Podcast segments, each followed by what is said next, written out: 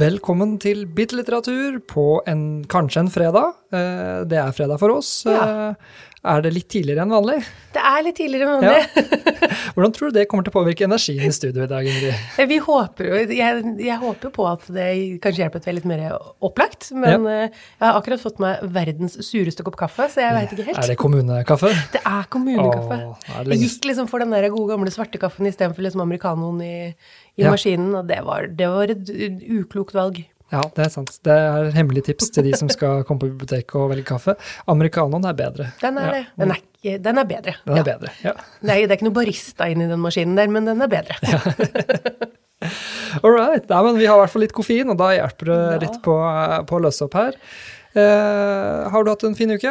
Ja. Ja. Det, har vært, eh, det er som det alltid pleier å være. Masse som skjer, og så husker jeg nesten ikke noe av det når jeg skal oppsummere.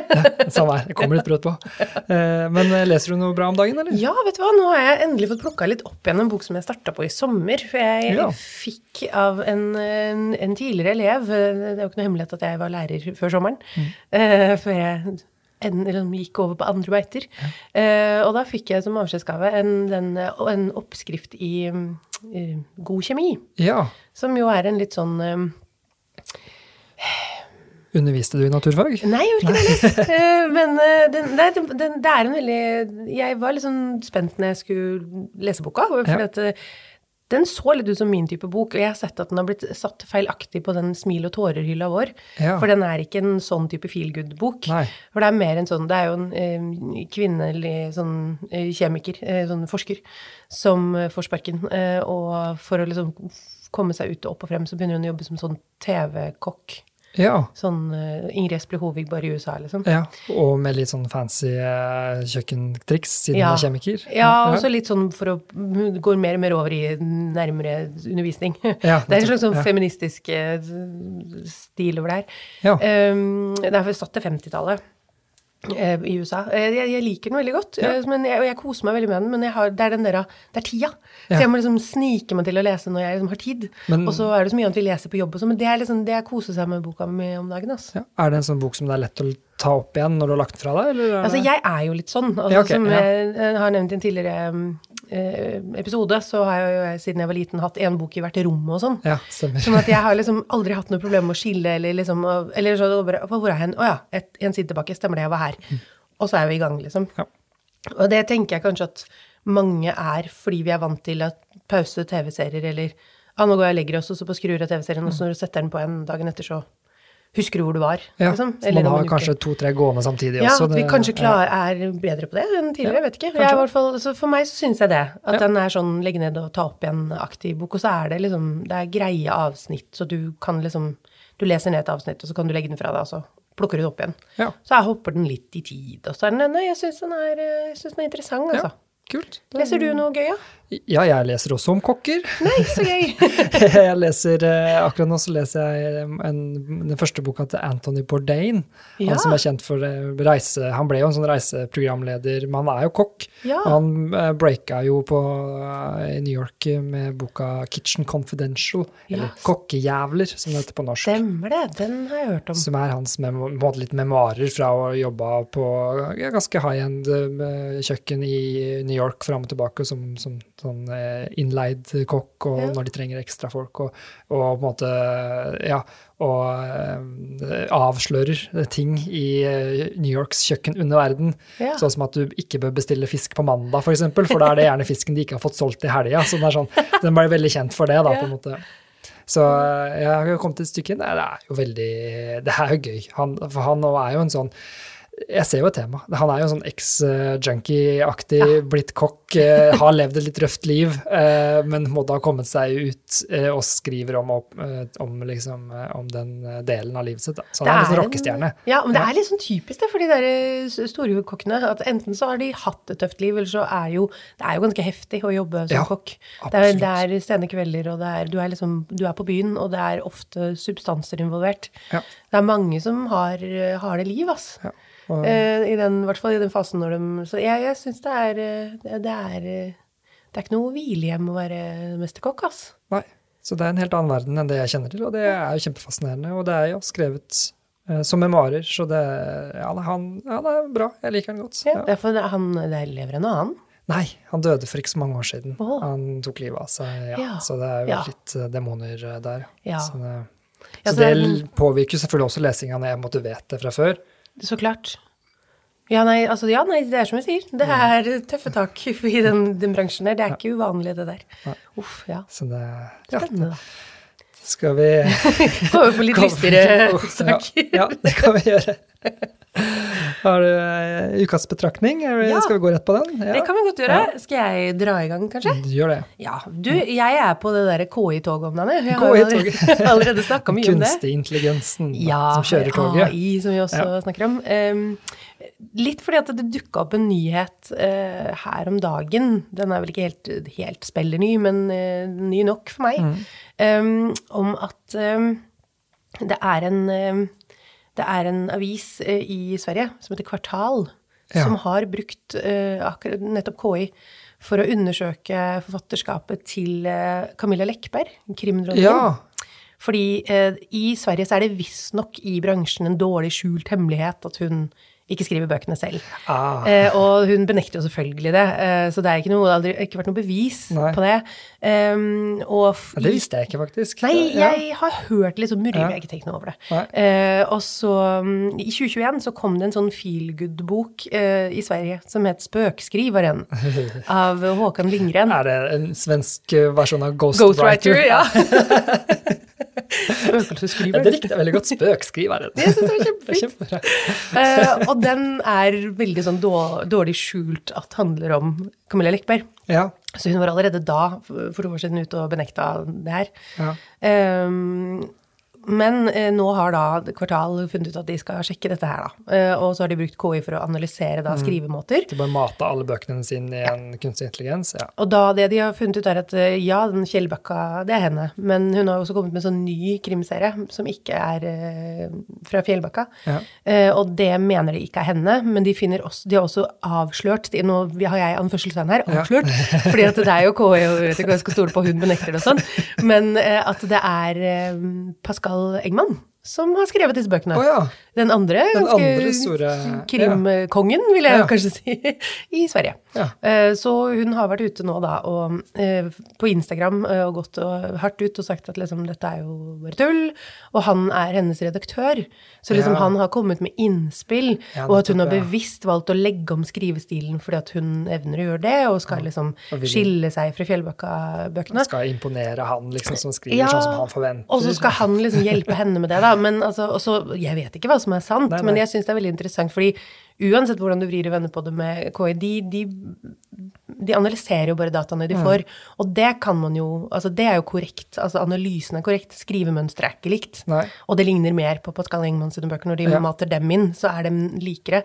Og Og da er- tenker jeg kanskje at hvis det da ikke er han som har skrevet dem, så har han som redaktør blanda seg for mye inn. Ja, det er sant. Det er, Det er ikke noe bedre, det. gått litt utover sin, eh, sin eh, kan, myndighet. Jeg- kan ikke være ja. forfatter og redaktør, åpenbart, at han klarer ikke å skille rollene. Da, det, Jeg syns jeg skal skrive litt mer sånn, jeg. kanskje vi skal vente litt, jeg bare tar det, og så, bare, klikk, klikk, klikk, og så fikser han på noen avsnitt. Jeg hadde en uh, morder som var veldig bra i den ene bøken, Kan putte han inn her. Så jeg syns, jeg syns bare Altså, jeg, jeg, jeg liker at jeg liker at de blir busta på det, og uansett Ja. om det er sant eller ikke, så tenker jeg det er i hvert fall hvis det fins folk der ute da, som helt bevisst eh, altså sånn skjuler at de altså, Ikke sånn som de som faktisk skriver under pseudonym, hvor det som er sånn Alle vet at det er noen andre, men vi vet Mm. Ja. ikke hvem det er. Sånn en referant og sånn. Ja. Uh, det er jo Det, det syns jeg liksom bare er spennende. Det er en del av mystikken når du leser. Ja. Men hvis du bare rett og slett ljuger for leseren, og for å liksom være en sånn gallionsfigur, og så skriver du ikke, og så er det en annen stakkar som sitter på bakrommet Det er sånn som på 90-tallet, hvor liksom de pene syngedamene med store pupper sto foran, og så var det en sånn litt sånn homely dame som satt bak og faktisk sang, Som- ja, ja. som ikke fikk lov å være med i videoen. Ja, og da Kina hadde OL og liksom, det Ja. var en kjempesak på det. Ja. Så det er, det er liksom det er det bare i bokbransjen, og det vet jeg ikke om jeg syns er greit. Det føles, Så derfor- føler seg litt snytt, da. Jeg er håper at de som eventuelt faktisk driver med sånn spøkskrivere, at de faktisk svetter litt nå, når de har skjønt at det går an å bøste dem. Det er min uh, lille betraktning i dag. Ja, wow, kjempebra. Nei, jeg var ikke klar over uh, Nei, kult. Um, ja. Jeg, du har jo da gått ut i verden og funnet en betraktning. Jeg har gått inn i meg selv. Oi! Ja. Det, det, har jeg tenkt på sist, sikkert fordi vi har holdt på med denne podkasten en liten stund nå, men det og at man også må bli kjent med seg selv som leser. Ja er en, eh, en, ting som man ikke nødvendigvis kanskje gjør uten å Eller har et visst lag av bevissthet rundt det konseptet, da. Ja. Og at det, lesing også er identitet. Ja. Og at det du leser, det forteller noen andre om deg selv. Ja. Eh, men det forteller også deg sjøl en del om deg sjøl. Eh, og kanskje mest av alt, det du ikke leser, forteller jo også en del, eh, del, om deg, og på en måte hvordan du på en måte hvorfor du velger det du gjør, og om du gjør et eget valg på de bøkene, mm. eller om det er en påvirkning utenfra hele tiden. Det er jo en veldig fin uh, tanke, for jeg, jeg, du ser jo ofte at det er noen man velger litt sånn pretensiøse bøker fordi at liksom det, det, skal se bra ut at man har lest dem. Og det forventes litt, liksom, ja. eller at du måtte putte ting i kategorier. At jeg, jeg kan ikke lese dette. Ja. Ja, litt, litt, av poenget sånn, vårt med sjangerbløffen er jo kanskje å prøve å bryte ned i, men ja. Nemlig, nettopp fordi at det, det er mye Det er like mye åndssnobberi i bokverden som det er i musikk, eksempel. Ja, absolutt. Altså det er sånn der, ser ned på noen type Altså jeg har hatt så mange diskusjoner med folk som mener at krim er liksom dårlig litteratur. Ja, det er det vel ikke? Det er det overhodet ikke. Og i tillegg så er, altså Om det så hadde vært dårlig litteratur, ja. så gir det så mange millioner mennesker så mye glede. Mm. Så drit med det, da. Ja. Altså Jeg ser på alle de dårligste realityshowa som fins, bare fordi hjernen min hviler når jeg ser på det. Det er ikke høykultur, jeg koser meg gløgg. Ja. Men jeg skryter kanskje ikke av det, bortsett fra i podkast akkurat nå. Eh, så, eh, men liksom, det, jeg, jeg, skammer meg ikke heller, da. Jeg Nei. kan godt si at liksom, jeg har sett snart alle sesongene av Perra, liksom. Det er jeg. Men jeg leser også bøker eller ser på du har også lest liksom. Faust? Ja, ikke Nei, ikke Faust, men Unge verters lidelser. Ja, jeg lider meg gjennom den. Ja. Jeg leste lest Faust òg, men den var litt lettere fordøyelig for meg. Ja. Uh, men uh, Nei, så jeg, jeg, ja, jeg, jeg tenker at altså, vi, vi, formes av forventningene av hva folk forventer at vi skal lese. Ja. Og så tror jeg nok også, hvis man blir litt bevisst på hvorfor leser jeg Hvorfor leser jeg f.eks. bare feelgood, eller hvorfor leser jeg bare krim? Eller hvorfor sier jeg at nei, men sånne type bøker er ikke noe for meg. Eh, det tror jeg alle kan ha godt av å spørre seg, altså. Ja, og så blir man jo litt overraska noen ganger også når man begynner å se ting i helhet. Jeg, jeg skriver jo ned alle bøkene jeg leser, som jeg har nevnt her før, og det, du begynner å se et mønster. Uh, og litt sånn, og det, når du på en måte klarer å tappe inn til ditt eget mønster, så mm. blir du jo både bevisst på når du kan bryte det, men også hva du skal gå etter. Da. Ja. Og jeg innser jo at jeg leste jo en del fantasy da jeg var yngre, og ja. slutta helt med det. Ja. Men det jeg liker å lese nå, er jo også ting som er veldig veldig langt unna min egen realitet. Ja. Sånn som for eksempel en, eh, en junkie-kokk ja. i New York. Det er jo veldig langt unna mitt liv. Det er ganske langt unna deg, faktisk. eh, og samme gjelder også ja, Bukowski ja. og litt sånn type ting. At det, eh, det er noe som, at, som, er langt nok unna, men som har en, likevel en stemme jeg kan kjenne igjen. da. Og på en måte det tverrsnittet syns jeg er interessant. At du, måte, du, du føler at det er en en troverdig stemme som, som, som, har kanskje en slags filosofisk eh, har en filosofisk måte å si det på, men som du ikke støtter moralsk, på en mm, måte. Mm. Og at det ligger i en sånn gjenkjennelighet og ugjenkjennelighet samtidig. Mm. Når de to tingene klarer å, å, eksistere samtidig, men er to forskjellige ting, ja. det syns jeg er veldig spennende. Ja. Ja, tror jeg. Og så tror jeg nok det er en andre igjen som søker Mer flukt? Ja, mer flukt, for ja. eksempel. Ja. Sånn som for eksempel fantasy er, da. Og mm. Sånn som mine sånne absurd realisme-favorittbøker. Ja, ikke sant? som jo virkelig er en flukt. Altså, det er ikke Det er jo en flukt på mange måter. Vi skal faktisk komme tilbake til det i dag. Mm -mm. Uh, men uh, det er jeg, Ja, jeg tror nok det. Og så tror jeg nok at veldig ofte når Sånn som nå i den jeg, jeg, har jo en, et arrangement her på biblioteket, litt uh, selv-PR. Litt plugging. ja, som heter Bok og baby. Ja. For uh, mammaer eller pappaer som er hjemme i svangerskapsperm og trenger litt tips til bøker mm. å lese um, for seg selv, da, ikke for barna. Og da snakka jeg litt med noen av de som var uh, her forrige uke. Og da snakka vi litt om det med at vi uh, som akkurat har fått barn, eller er i ferd med å få barn, har, er gjerne litt sånn skjøre på innhold. Ja. Så liksom i en fase av livet så skal det ikke være så veldig mye barneslaktinger og kidnappa unger og sånn. Jeg ser den. Da skal det liksom det, det, Noen har jo ikke mage for det i det hele tatt ellers Etterpå heller. heller. Nei, eller Eh, ellers, ja. Nei, altså du trenger ikke ha liksom født barn for å ha den, men uh, du får den ene lille laga. For jeg har alltid vært veldig tøff i både Mm. det jeg leser og ser på filmer og bryr meg ikke noe. Nå er jeg helt pingle. Ja. Altså med hylgrine sitter og ser på sånn eh, House of the Dragon og den fødsel der og sånn. Så nå, altså, jeg, må, jeg må beskyttes mot meg selv en stund. Eh, litt hormonelle, selvfølgelig. Det hjelper ikke på. Eh, men eh, jeg tror nok det òg, at liksom man forandrer seg jo som leser. Som du sier, Ja. at eh, fantasy var din bag en periode, og nå er det noe annet. Um, det handler litt om alder, det handler litt om livssituasjon. Og så tror jeg det handler om at hvis man faktisk slipper garden lite grann, da, og slipper inn andre sjangere, og andre typer bøker, så får man en litt mer Man får en mer spennende leseopplevelse ja, enn du får hvis du bare holder deg til liksom dine greier. absolutt. Ja. Ja. Nå har vi babla på! ja. Skal vi kjøre i gang eh, kapitlene? Ja, nå bør vi kanskje dra i gang denne podkasten, som Ja, du sier.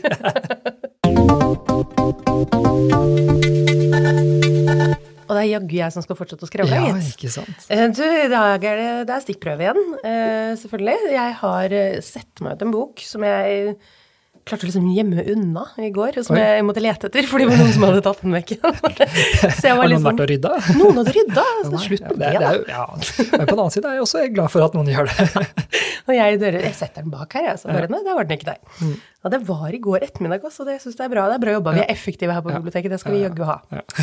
Men jeg fant en bok som står på um, nye K-fond-bøker. Den er fra 2023. Ja, Det er en forfatter jeg det er, det er en bok som har blitt kjøpt inn av Kulturfond? Ja. eh, ja. Mm. Så den har fått støtte sånn at alle bibliotek får, og det ja. tenker jeg kanskje kan være bra. Jeg syns den virker interessant. Men jeg har jo ikke lest den. Jeg har Mm. Nei. bare lest en liten stikkprøve, og så har jeg lest bakpå. ja. Eh, Boka heter 'Portrett i flammer', og er skrevet av Stian M. Landgård.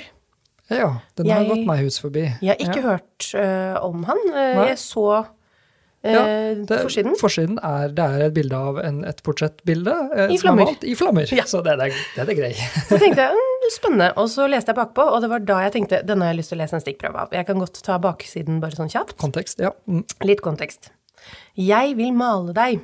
Slik begynner forholdet mellom maleren Arnold Krag og hans unge modell på Isle of Wight høsten 1974. Et portrett blir unnfanget i løpet av tre måneder med stjålne møter og forbudt kjærlighet. Så må han reise tilbake til Norge, men de ser begge frem til å treffes igjen til våren. Nesten 50 år senere sitter Arnold på et sykehjem i Oslo da han mottar et brev som spør Hvorfor kom du ikke tilbake? Oi. Og da tenkte jeg hm, fiffig. Eh, denne, Nå er spent, ja. så Ja. at, eh, og så er jeg jo litt sånn eh, regelrytter, så når man smeller opp på en side og leser, så er det liksom det som er smaksprøva. Ja. Eh, men jeg ville ha med baksiden også, for det var Mm. den som liksom gjorde at jeg bråstoppa litt på boka. Ja. Eh, lørdag 21. september. Monstre. Det var så varmt at jeg begynte å svette på bussturen. Eller kanskje jeg var nervøs? Ville hun stille opp som avtalt? Jeg så henne ikke på busstoppet, men plutselig sto hun i midtgangen, kledd i en fløyelsblå skjortekjole med hvitt belte. Kjolekanten rakk henne til like over knærne. En liten veske hang skrått over brystet hennes, og hun løftet et par mørke solbriller mens hun gikk bakover mellom setene. Dagens blikkfang. Jeg reiste meg og lot henne få vindusplassen. Hun smilte så vidt idet hun ålte seg forbi meg. Du har dolla deg opp i dag? Hva mener du? Det var et spørsmål som forutsatte hennes inneforståelse, men da jeg møtte blikket hennes, var det tydelig at hun virkelig ikke skjønte hva jeg mente. Ansiktet var fortsatt blekt og nakent og fritt for enhver kosmetisk forskjønnelse. Jeg syns til og med jeg så en liten kvise på haka. Bare håret hennes var omhyggelig gredd og glattere enn før, som om alle stråene samarbeida iherdig for å bringe ut den lyse glansen når solen strøk over det. Oi. Ja. Det er jo det, det, Sånne slike um, skildringer syns jeg det er vanskelig å få til uh, naturlig, Ja. Synes jeg. Men det syns det funker veldig bra her. ja, jeg ser Ja. det veldig for meg uten at det blir sånn platt. Ja, for det er det som er men Jeg baserer jo på selvfølgelig de gangene jeg har prøvd å skildre ting Ja. sjøl, så er det sånn Dette her går jo ikke. Det er ikke Men det å beskrive noen Hun hadde eh, blå øyne og ja. lyst hår. ikke sant? Det blir Ja, ja. veldig sånn. Og et kjetrete smil, liksom. Det er, du må på en måte Men det var jo ikke noen sånne Det var jo ikke noen store bilder-aktig til det. Det er bare god, god skildring, da. Ja, og så får jeg litt sånn inn, altså Jeg føler jeg får litt Selvfølgelig det hjelper jo at jeg har lest baksideteksten, men det er jo alltid et godt tips når man skal velge ut en bok. Ja, det et sjelden jeg ikke har gjort det, faktisk. Det er sånn jeg gjerne har lært opp elever også, til Ja. å plukke ut bok, se Ja. på forsiden, les baksiden, og så kan vi bestemme oss. Så, ja. Uh, Så det hjelper på, men jeg føler liksom at jeg ser hans liksom begynnende forelskelse i blikk, altså i måten han beskriver henne på. Mm. Altså hun var blikkfanget, og han liksom Og så prøver han seg på en litt sånn klumsete «Å, nå opp, liksom, og så funker ikke det. Den faller helt på steingrunn. Og så blir det litt sånn Å, blir litt svett, for han, han, han er litt sånn Han er litt klam og litt Ja. sånn eh, Er jeg spent? Jeg gruer meg, liksom. Um, det her er jo Det var på side noen og 50, så vi er liksom De har antagelig begynt med maleprosessen. Eh, Jeg Ja. fikk litt inntrykk av det jeg bladde litt videre, at de skal liksom bort og male. Ja. Ja, dette er tidlig liksom i den, eh, den romantiske delen av det, kanskje? Eller, ja. Eller kanskje ikke helt på, for den ene? Det- Nei, i hvert fall så begynner han å bli Ja. begeistra. Men Ja, han sitter jo selvfølgelig også og stirrer på henne når han maler, da, så det Mm. kan jo også hende at det hjelper at han blir litt mer fascinert. Han blir liksom så veldig opptatt av hennes Ja. eh, trekk. Nei, jeg syns den var litt uh, søt på et vis. Ja, Og så ble jeg så veldig sånn den Hvorfor kom du ikke tilbake? Hvorfor kom han ikke tilbake? Nei, det jeg vil vite hvorfor han ikke ja, kom tilbake. Det må jo være en god grunn. Ja! Stakkars, hun sitter jo der i Highly White og venter, hun, liksom. Så, hun sitter der og venter. ja. Så det her uh, syns jeg var en interessant uh, liten sak. Ja, jeg syns tempo passer bra til liksom den type portrett. Eh, Hvis Ja. det skal være sånn male, altså sitte og stille og male, Ja. og, og du skal jo beskrive en person bare med Ja, jeg Ja. tror den passer til Jeg tenker, tematikken. ja, jeg tenker også at eh, han, eh, han maler jo et bilde av denne forfatteren, så da er han jo Han, han vet hva han snakker om, virker det som. Kult. Det er veldig bra, bra, bra stikkprøve. Den så interessant ut. Thank you. Det er en sjangerbløff som ligger klar på Mm. manuset mitt her. Eh, er vi på Scoren Vi har ikke masse poeng, har vi det? Nei. Nei. Jeg, jeg klarte å skryte med et halvt poeng da jeg trodde Are Kalve var Erlend Loe. Ja. Og så fikk vel jeg et halvt poeng for å si eh, roman. Ja, du fikk hele på Don Quijote. Ja, det, er jo, det har vi også vi- fått eh, tilbakemelding på. Det jeg var litt, eh, var litt nølende i romanbegrepet, men det er mange tenker jo Don Quijote som den første romanen, er gjerne det som er. Så det, Der er jo definisjonen så- litt sånn det er jeg går sånn- med på den, ja, altså. Så det, det er akkurat det. Så, så, du får jo, så det blir jo verdt Det blir helt poenget. ja. Da er det én mot et halvt, da. Ja, så det er dobbelt så mye. Skal vi se om Og vi er på episode seks eller noe sånt. Ja. Ja, det, er, ja, det er spennende. Nå, nå, nå går jeg all in. Denne her skal jeg få til. Ja, da kan du få et kjempeforsprang. Eh, det er bare å gå rett på. Jeg kan jo ikke si så mye om det annet enn den lille pitchen jeg har forberedt. Så er du klar? Kjør på. Dette er en bok der en rekke separate hendelser veves inn i et større narrativ. Personene det handler om søker i større eller mindre grad tilhørighet til andre mennesker, men ingen av dem får det spesielt godt til. Den handler annet om å dikte opp en graviditet for å ikke bli forlatt, om å dra på barnefri hyttetur med en ny kjæreste, bare at barnet må være med i siste liten likevel, og hvordan leve med en offentlig ydmykelse når man er på fest. Oi. Hva slags type bok er dette? Det umiddelbart høres det ut som en bok jeg har lyst til å lese. Ja, jeg kan også anbefale Ja. boka, ja. um, ja, altså Jeg kan ikke skjønne at dette skal være noe sakprosa, i hvert fall. For da, det, det er jaggu imponerende å klare å pakke inn såpass uh, skjønnlitterært. Så, vi skal, så da er vi liksom på Kanskje det liksom er på biografi? om- Ja, det er sant. Det har jeg ikke tenkt på. At det liksom også ligger under sakprosa, selvfølgelig. Uh, men jeg har litt lyst til å lure meg over i skjønnlitteraturland. Men hvor vi skal hen der, vet du uh, Oppfølgingsspørsmål? Ja, absolutt. Du har to.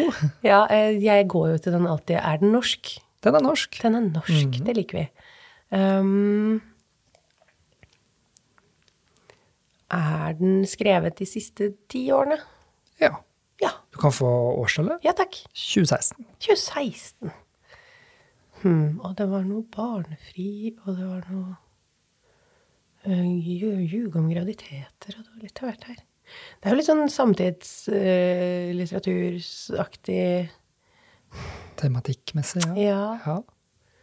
ja. Kan det være krim, da? Kan det være krim? Det kan jo ikke være krim. Det er jo ingenting med det her som sier krim. Så da kan det jo være krim, selvfølgelig. Eh, eh, men jeg må liksom gå med de hinta jeg har. Ja Nei, altså Samtidsroman. Altså, det er jeg har Ja, ikke noe mer. Ja. Ja. Ja. Ja. Nei, det er ikke Her skal vi fram til en eh, novellesamling. Å ja, det er mange forskjellige Mm. Mange forskjellige historier. Ja. Ah. Ja. Men Novellen, eh, heter eh, 'Kan jeg bli med deg hjem?' av Marie Aubert. Å ja. Mm. Den har jeg hørt, den har jeg Ja, den er god, altså. Ja. Den er, det er eh, den, Jeg leste den, og det overhengende tematikken er jo den der søken av tilhørighet. Og det er på mange forskjellige måter også som, som hun utforsker, da, med, med, spesielt med forhold. da. Ja. Og begynner med liksom de lettere um, forholdene, og så blir det mer eh, Tenk at jeg ikke tenkte over det når det var sånn så mange ulike historier. Men jeg, har les, jeg leser så mange romaner som har sånne mange Ja. forskjellige fortellerstemmer. ja, jeg mellom, eh, klarer liksom ikke altså, at jeg ikke tenkte Jeg burde tenkt på at det var noveller. Ja. Jeg burde det. det. Det er en skam, faktisk. Ja, men det er ofte det som kanskje er med noveller, at man glemmer litt at de fins. ja. At man har litt sånn Romanen har liksom fått bli hauset opp som det ene og ene, spesielt i Norge. Mens kanskje USA har jo et helt annet forhold til short stories. Der er det jo naturlig å debutere med en novellesamling. ja, og Men- ofte trykkes opp i sånn i aviser, og det er liksom Det er en Ja, de har en er- helt annen tradisjon ja. for det enn vi har i Norge. I Norge er det liksom romanen som gjelder, stort sett, uh, for at det liksom skal være ordentlig. mm. Og i liksom vår hektiske hverdag så er jo noveller, novellesamlinger mye lettere Ja, ja, å forholde seg til. Jeg er jo også veldig glad i novellesamlinger som har en overordna tematikk. Ja. Selv om ikke For det det er kult med de som bare er samlet sammen masse ulike historier, men det er liksom noe med at når, når du har liksom et helhetlig fokus, Ja. men historien er helt forskjellig, Ja. det liker jeg veldig godt, for da vet jeg liksom litt sånn hva jeg går inn i. Um, og det er jo veldig mange forfattere som gjør det. Um, så ja, nei, dette likte jeg. Den skal jeg sjekke ut. Ja, sjekk den ut. Det er, den er ikke så lang. Så det, Det altså liker vi. Det er det vakre, det er musikk vi nører. Da er det tid for topp tre. Mhm. Ukas topp tre. ja. Hva har du for noe eh, på tapetet? Her har jeg rett og slett eh, topp tre klassikere du bør lese. Ja. Forutsatt at du ikke har lest dem, da, selvfølgelig. Men jeg tenker at har du lest dem, yay! Ja. Klapp deg sjøl på skuldra. Bra jobba. kan du lese noe annet? Da har du gjort i hvert fall min Ja. topp tre. Da. Det, er veldig, Ja. det er veldig viktig å presisere at dette er veldig subjektivt. Ja, altså, det er det, ja. Eh, og, og vi tar gjerne imot eh, kritikk, og, og enighet. Altså, jeg, trenger ikke bare for kjeft, kan godt Ja. på ros òg. Eh, Men hvis det er noen som bare Hæ, nei, men du kan jo ikke mene at det er den beste, så tar jeg, jeg tar det imot, da. Ja. Få det på. Det er jo bare å sende til biblioteket at fredrikstad.kommune.no. ja. Ja. Så, skal dere få lov å arrestere meg. Den første, den er Eller Altså den første. Den første som har Ja. ja. ja. Så uh, topp tre. Nummer tre, uh, klassiker du bør lese. Det er en bok som mange har uh, i hvert fall ha, blitt tvunget til å ha i, i hus på et vis. Ofte. 'Fuglene' av Tarjei Vesaas. Tarjei Vesaas, ja. Det er jo, eh, Nå var jo jeg en av de få i min klasse på videregående som elska den boka. ja. Eh, Men altså, For den er jo gjerne brukt gjerne både på ungdomsskole og på videregående. ja. Som Jeg en husker vi sånn- leste utdrag fra den. Ja, vi måtte lese hele. Ja. Um, og du vet jo det at eh, det er jo ingenting som skaper god leseglede som tvang. Nei. Og, Så det- og på nynorsk. Ja, så dette var da ironivarsel for de som ikke skjønte det. Altså, boka er en perle, men det er noe med at når ingen altså For det første, når du er 16 år, så er du kanskje ikke kognitivt moden til å forstå den. Ja. Og så Um, For du må liksom altså Mattis er jo så skjønn at du har bare lyst til å ta han med deg hjem. ja. Han er jo så nydelig. Um, Så dette er altså en sånn bok som eh, med en ny spalte burde ikke vært pensum. ja, Ja. nemlig. Altså, vi kunne hatt en, å, jeg kunne hatt en hel liste, bare det. Ja. Jeg mener ting om Ibsen, men det skal vi komme tilbake til. Mener ting om Ibsen. En av de få norsklærerne som bare Ja, nei, vi tar det en annen gang. Um, for ellers så, hadde, ellers så blir denne podkasten lang. lang. Ja. Men altså, les Fuglene hvis ikke du har gjort det. Og hvis du har gjort det på ungdomsskolen, så gi han en ny sjanse. Gi Mattis en ny sjanse. Altså, han er en eh, nydelig liten figur. Og så er vi på andreplass. Ja. Eh, 1984 av George Orwell. Det kan jeg skrive under på. Ja. Den er det for det første mange som skryter på seg har lest. Ja. Apropos det vi snakka om Ah, ah, tidligere. å, ja, ja, ja, ja. Og det er- merker man også fordi at det, i den politiske diskursen så blir det kastet rundt seg, og det er det nesten sånn 1984, og så er det ikke i Nei, nærheten. ikke nærheten. Du, må, du har ikke skjønt hva den handler om, Nei, nei, nei. for de har ikke lest den. Nei. De har eh, sett begrepet, de har sett eh, Big Brother ja, skjønner på. TV. Oversikt i Ja, ja. over, Ja, nei, de har sett den Apple-reklamen fra 1984, der de spiller litt på dette. ja. Altså, det er helt åpenbart at man ikke helt forstår uh, hva den handler om. Uh, og jeg tror at det også lest den Um, um, fordi at den, den sier noe viktig om det samfunnet vi lever i i dag, og det samfunnet Orwell så for seg at kom til å være.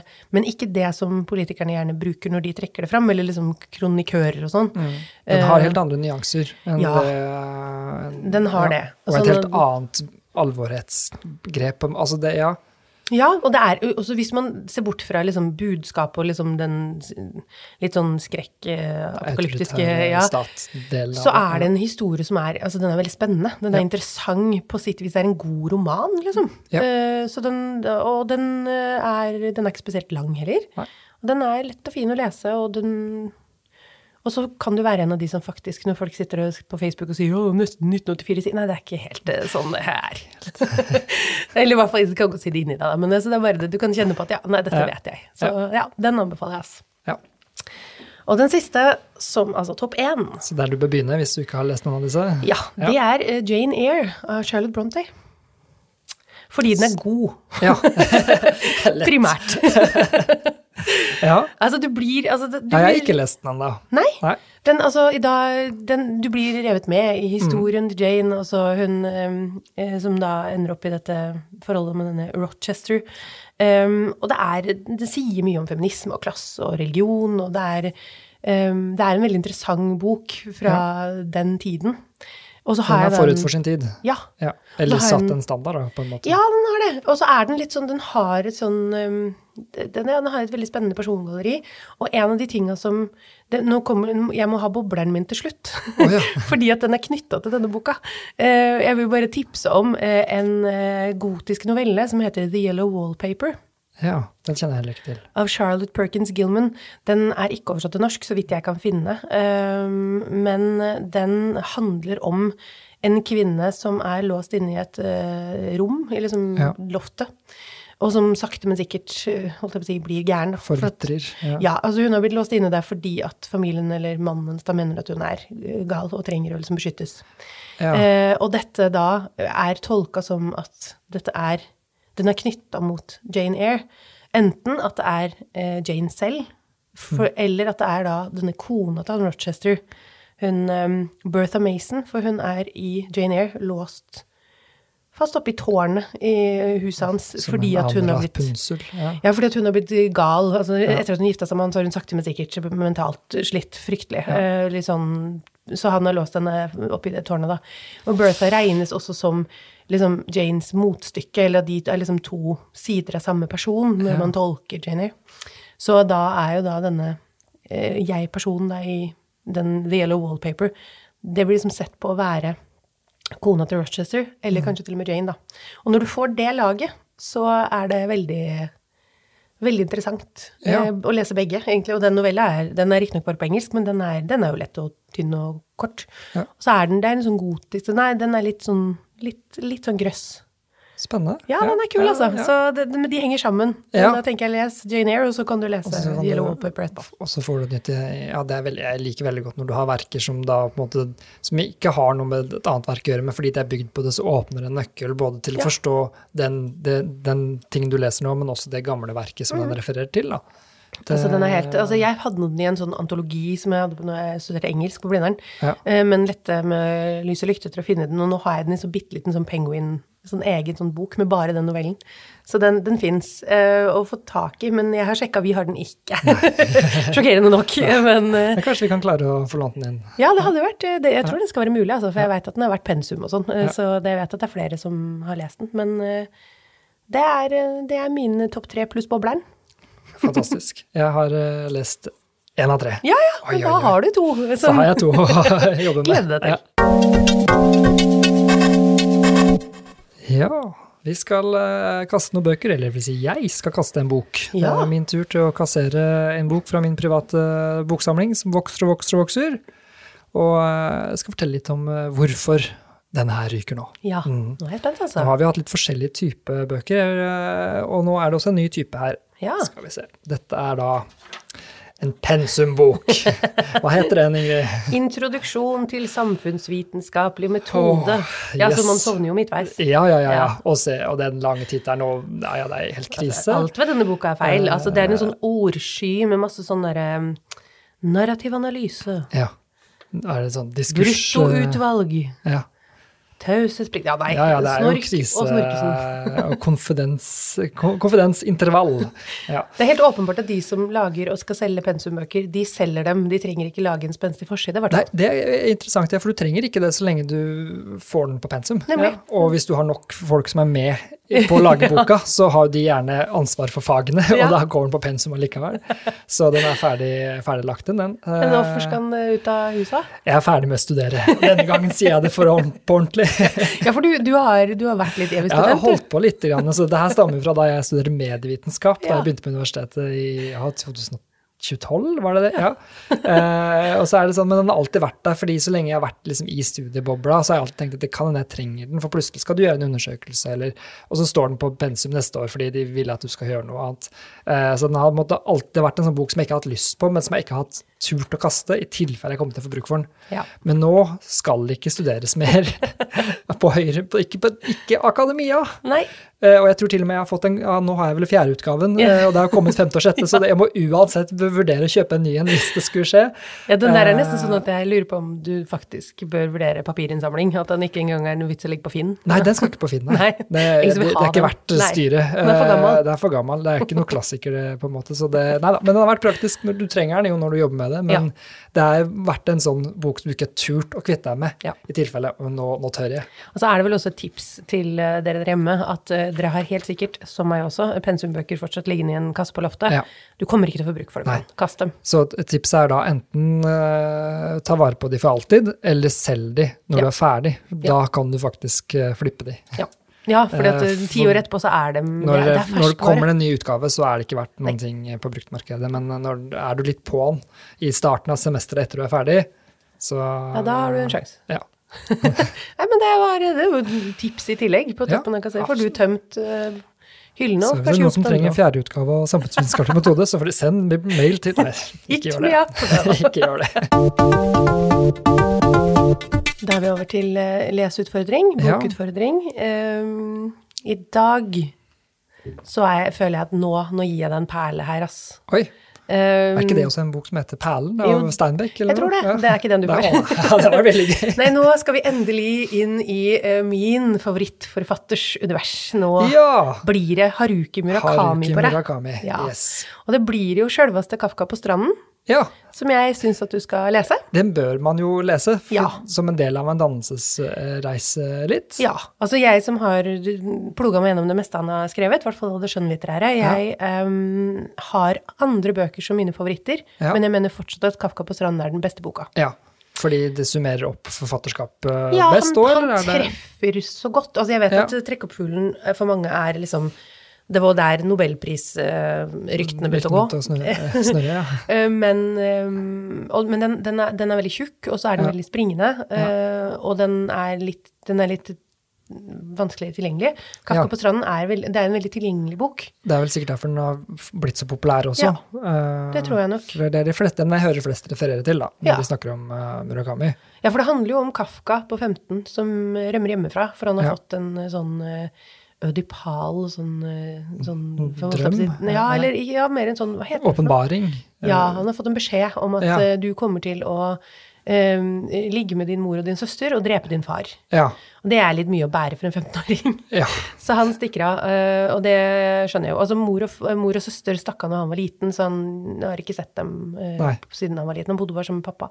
Ja. Og så rømmer han uh, sammen med en uh, Han har en sånn Det er noen sånne eh, eller sånne dialogsekvenser med en kompis han kaller for Kråka. Ja. Eh, som nok kanskje er hans underbevissthet, men han har Ja. i hvert fall en sånn samtale med han. Og så er det så, parallelt med et Ja, for Kafka han reiser av gårde. Han kommer til et sånn lite sånt bibliotek, eh, ligger litt sånn i utkanten av jeg vet det, hvor han søker ly og får lov å bo, da, og Ja. rydde litt og sånn. Eh, og hun bestyreren der, hun var en eh, ung Når hun var ung, så var hun en sangerinne som hadde en hit med sangen 'Kafka på stranden'. ja. Så det syns han var litt spennende. Og så får han da et lite rom på en sånn liten kvistværelse, og der er det et maleri av en uh, fyr på en strand som heter Kafka på stranden. Og så forsvinner han ut i Han, han trenger liksom en pause, så han får låne en hytte uh, ute i skogen. Og så rusler han av gårde i den skogen, og da kommer han inn i noe Da er vi over på Haruki Murakamis litt sånn forunderlige univers. ja. Han forsvinner inn i noe, noe litt sånn parallelt univers som er veldig interessant. For det er jo absurd realisme, vet du. Du er liksom med, selv om det er merkelig. For parallelt så er det jo sånn historie hvor en eh, ung Herman, uh, når han var liten, eh, opplever at hele klassen får sånn eh, total sånn blackout. Mm. Alle bare svimer av Ja. når de er på skoletur. Og alle våkner opp igjen rett etterpå, mens eh, han eh, gjør ikke det. Han ligger i koma ganske lenge, og når han våkner, så er han helt tom, et blank. Oi. Tabula rasa. Alt er borte? Ja. Ja, han sier det selv. Jeg er tom i hodet. Ja. Eh, men han kan snakke med katter. ja. Når alt annet er borte, så er det i hvert fall én ting som er Så han blir en sånn kattedetektiv. Så, så er han da, for han hører om at det er en mann som driver også Eller at det er en katt som er blitt eh, mishandla og blitt borte. Ja. Som han da drar ut på søken etter. ja. Så det her da skjer parallelt med historien om Kafka. Så fletter de historiene seg i hverandre Ja. mot slutten. Altså du får litt sånn annethvert kapittel om de to. Um, ja han- jeg tror det, Dette er morsomt, er altså. Bra. Ja, ja, ja. ja, ja. Så jeg anbefaler. Altså, det er, du blir liksom så engasjert, og de er veldig søte og fornøyelige, de figurene òg. Det er eh, sånn som jeg sier, det er, Han er den eneste forfatteren jeg vet om som får deg til å liksom godta at katter snakker. ja, det, ja JK Rowling, kanskje? Ja, men hun skal vi, ja, skal vi snakke om henne, da? Jeg tenkte bare på fantasy. Ja, at liksom, du må både ha satt er universet liksom- tidligere. Ja, men, da må det være fantasy. for det er jo absurd absurd jo i hele veien. Mens Ja. det Murakami gjør, er vel det at det, måte, alt annet er så normalt.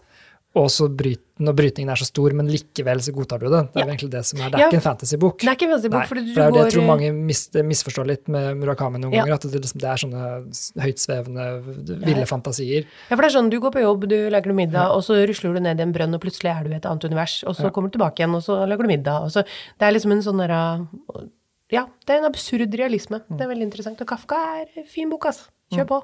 Det skal jeg gjøre. Vi eh, skal jo spørre bøkene litt grann nå.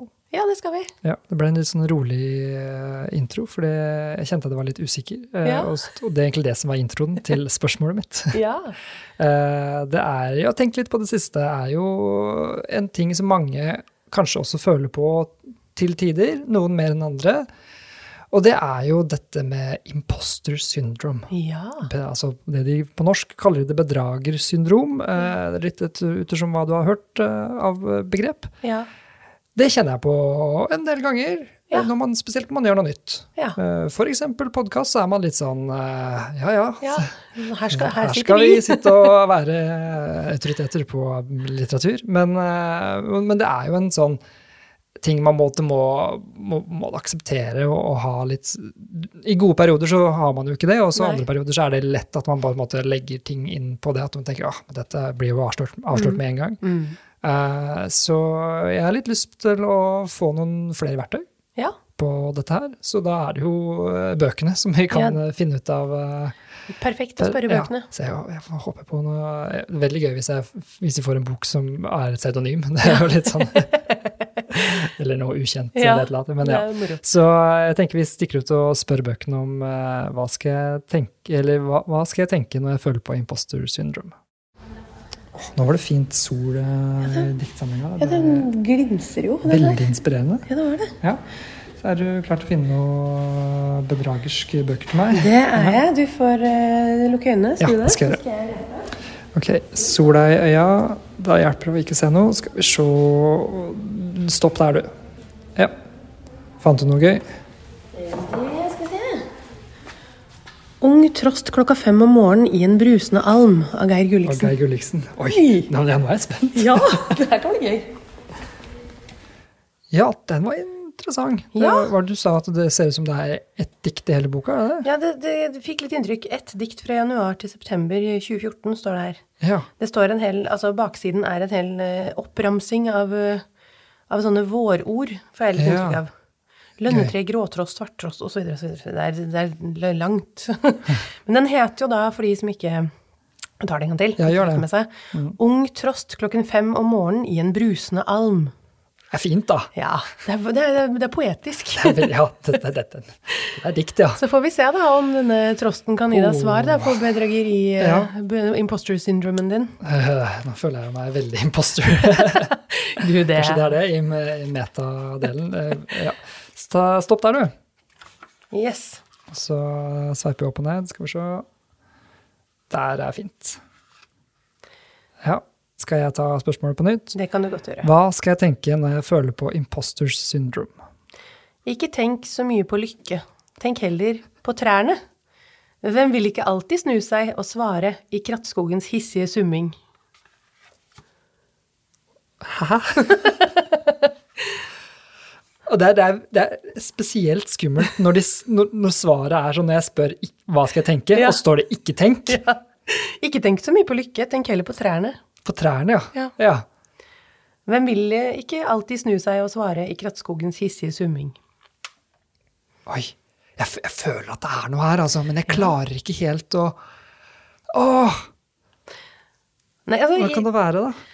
nei, altså Krattskogens uh... Ikke tenk så mye på lykke, tenk heller på trærne. Jeg tenker jo liksom at det er noe konkret, da. Ja. Så hold, hold det konkret. Liksom tenk på det du er god på, kanskje. Ja. Ikke tenk så mye på de det om Det er sånn jeg tenker, Ja, tolker det. det er sant. eh, Trærne er mer håndgripelig enn en, en lykke. Det er det. Og lykke er mer fleeting, eh, Ja. og det kan jo også Det er jo også, som du snakker om, bedragersyndromet. Ja. Det kommer og går litt. Kanskje ikke tenke på det. Tenke på de tinga du kan. ja, Holde fast i det konkrete. det er sant. Det, det, ja, det er godt. Så er vel også, men en fordel med trær er jo at de, de er jo som regel flere Er som er, like og ulike, men fortsatt en del av en skog uansett. Så hvordan er hvordan kan, Fins det bedragertre? Planter som ikke Ja, det, jeg vet ikke om trær, men Ja. det fins jo planter som utgir seg for å være noe annet enn Ja. det de er. Og sånt. Så Ja, ja. og så kan jo også da disse trærne tolkes som alle oss andre som også lider av dette bedragersyndromet, Ja. men ikke sier det til noen, ikke sant. Og så sitter vi, sitter vi alle på hver vår tue og føler at å, tenk om noen avslører oss, og så eh, lider vi av det samme alle sammen. Ja, Vi er en skog det er en skog av folk som vil ikke være trær. Eller som er redd for å være trær. Ja, redd for, redd for å bli avslørt som noe annet enn ja, trær. Man ikke er en del av eh, den, det som bærer skogens uh, definisjon. Ja. Vi kan jo er være sånn, apropos bedragersyndrom, være ærlige på at vi er vel ikke utdanna innen diktanalyse, men vi syns det er spennende. Nei, det er vi ikke. Og det er lov for alle. Det er like greit. Det er lov Ja. for alle å tolke dikt. Dikt- er for alle, ikke bare de som har mastergrad i det. Det er og det er derfor vi prøver å finne svar da, i, Ja. i bøkene, uten, selv om vi da vi er ærlige på at vi kan godt ta oss på det, men eh, vi, vi, ikke, vi, vi påberoper oss ikke å være eksperter. Nei, ikke i det hele tatt. Nei, vi bare leter etter svar, vi. vi. Det, svar skal man ha. Og svar fikk du. Vel, ja, det var skummelt, ass. Jeg, jeg likte det at liksom Hva skal jeg tenke? Ikke tenke. Ikke tenk. Det er jo stort sett et veldig godt råd. Ikke tenk så mye. Jeg skulle stoppa der. Ja, rett og ja. slett. Da er vi uh, avslutningsvis klare for en liten anbefaling. Da. Kan jeg ha en liten bobleanbefaling? Ja. Send inn uh, spørsmålet ditt til uh, Ja. Fredrikstad, eller biblioteket fredrikstad.kommune.no hvis du vil ha svar på spørsmålene dine. ja, så får du faktisk svar. Anbefaler det. Anbefaling, Men absolutt. er den ordentlige anbefalingen. Ja. Jeg pleier jo å holde det litt sånn litt generelt, og så går vi ned på det konkrete. Ja. Så jeg skal gjøre det i dag òg. Som nevnt tidligere i dag, så er jo uh, Murakami favoritten. Uh, mm. Japansk litteratur er min generelle anbefaling. Ja. Altså litteratur satt til uh, Japan, altså sånn japansk, gjerne Tokyo. Jeg Ja. har så lyst til å dra til Tokyo. Ja. bare fordi at jeg føler Jeg føler jo jeg har vært der mye allerede, bare fordi jeg har lest så mye om det. Um, jeg vet ikke om det bare er en tolkning av For jeg har lest litt annen sånn type asiatisk litteratur også. En det kinesiske sånn, eksempel. Men jeg føler at Japan er mer Det er det mer vestlig. Mm. Altså, jeg, jeg identifiserer meg på en måte litt mer med Ja. Selv om det er også litt eksotisk for meg, da, måten de lever på og sånn. Ja. Altså Spesielt sånn som i Murakami, hvor du får være med liksom inn i matrutiner. Han lager, det er mye middager og sånn i de bøkene. Eh, det høres kjedelig ut. Det er faktisk kjempefascinerende. Ja, jeg tror, ja, ja, men uh, vi som har lest litt virkelighetslitteratur med utgreiing av uh, kjøkkenlaging, det kan, uh, det kan, være kan verdsette det. Ja. ja, gode forfattere får til det. så japansk litteratur, fordi jeg elsker Japan og drømmer om å dra dit. og så generelt råd, eller generell anbefaling, er en liten perle av en bok som heter eh, 'Merkelig vær i Tokyo'. Av Hiromi Kawakami. Oi. Og Hiromi Kawakami hun har skrevet et par bøker, så vidt jeg vet, hvert fall som er oversatt ja. til norsk. Ja. Eh, det her er den første jeg i hvert fall oppdaga henne, som handler da om en, eh, en, kvinne på 38 som er ensom og rusler litt rundt i gatene, sitter mye på bar og drikker litt sake og liksom prøver å finne ut av tilværelsen. Mm. Og så møter hun den gamle læreren sin, ja. i barn, en godt voksen mann. Og så de, kommer de i snakk, og så former de et slags litt sånn underlig vennskap. Ja. Hvor de liksom eh, Hun tar han med seg på noe sånn Farmers Market, og, de liksom, og det er ikke noe, det er ikke noe liksom undertoner av noe ubehagelig seksuelle undertoner Nei, eller noe sånt. Det er ikke Murakami. Nei, det er ikke, det er ikke dårlig sex. det er liksom en bok Altså, du, har lyst, du får liksom sånne drypp av å få vite hvordan de havna på den baren, begge to. da. Ja. Liksom, men du får ikke vite alt. Nei. Du har så lyst til å liksom Så du litt på kanten av stolen og bare Ja, vi vite litt ja, ja, mer, men samtidig så Skjønner. tror jeg ikke boka hadde vært like fengende hvis jeg hadde fått vite alt. Så liksom nettopp det at den holder meg litt på pinebenken og liksom drar meg litt sånn sakte inn, er litt interessant. Mm. Og så er det Det er en sånn hint av mystisk realisme der også, for det er en drømmesekvens der som jeg husker jeg leste flere ganger, bare for å For den hadde jo noe den forteller jo noe om deres ja. forhold og om liksom historien. Men den var litt sånn, den var litt tungtolkelig sammenlignet med resten av boka, så jeg måtte liksom og så var det litt deilig å være i den drømmesekvensen. Så jeg var liksom, gikk tilbake og vent litt nå, hva var det det egentlig handla om? Ja. Uh, men den er en sånn en stillferdig, fengende liten bok fra Japans gater som ja. jeg anbefaler. Spennende. Jeg liker å få sånne tips som, som man ikke leser på alle topp uh, anbefalingslister. Ja, nei, den her er nok Nå er den noen år gammel òg, men den her den tror jeg kan bli fort litt glemt også, fordi ja. at hun har liksom ikke fått den hypen. Murakami-hypen, liksom. Ja. Jeg trodde nesten at det skulle fått vært med i dragsuget, men uh, det var mye publisert når den kom, og så har det liksom dødd litt ut. Så tar den fram igjen, jeg. Ja, spennende. Veldig bra. takk. Takk for tips. Thank you. Skal vi si takk for oss òg? Ja, det tror jeg. Nå har skravla gått lenge og vel. Gått, ja, sånn, er det, sånn er det når vi begynner tidlig om morgenen. Ja, ja. Masse energi. Masse energi og full av kaffe. okay. Vi snakkes neste uke. Det gjør vi. God helg. God helg. Produsert av Fredrikstad bibliotek.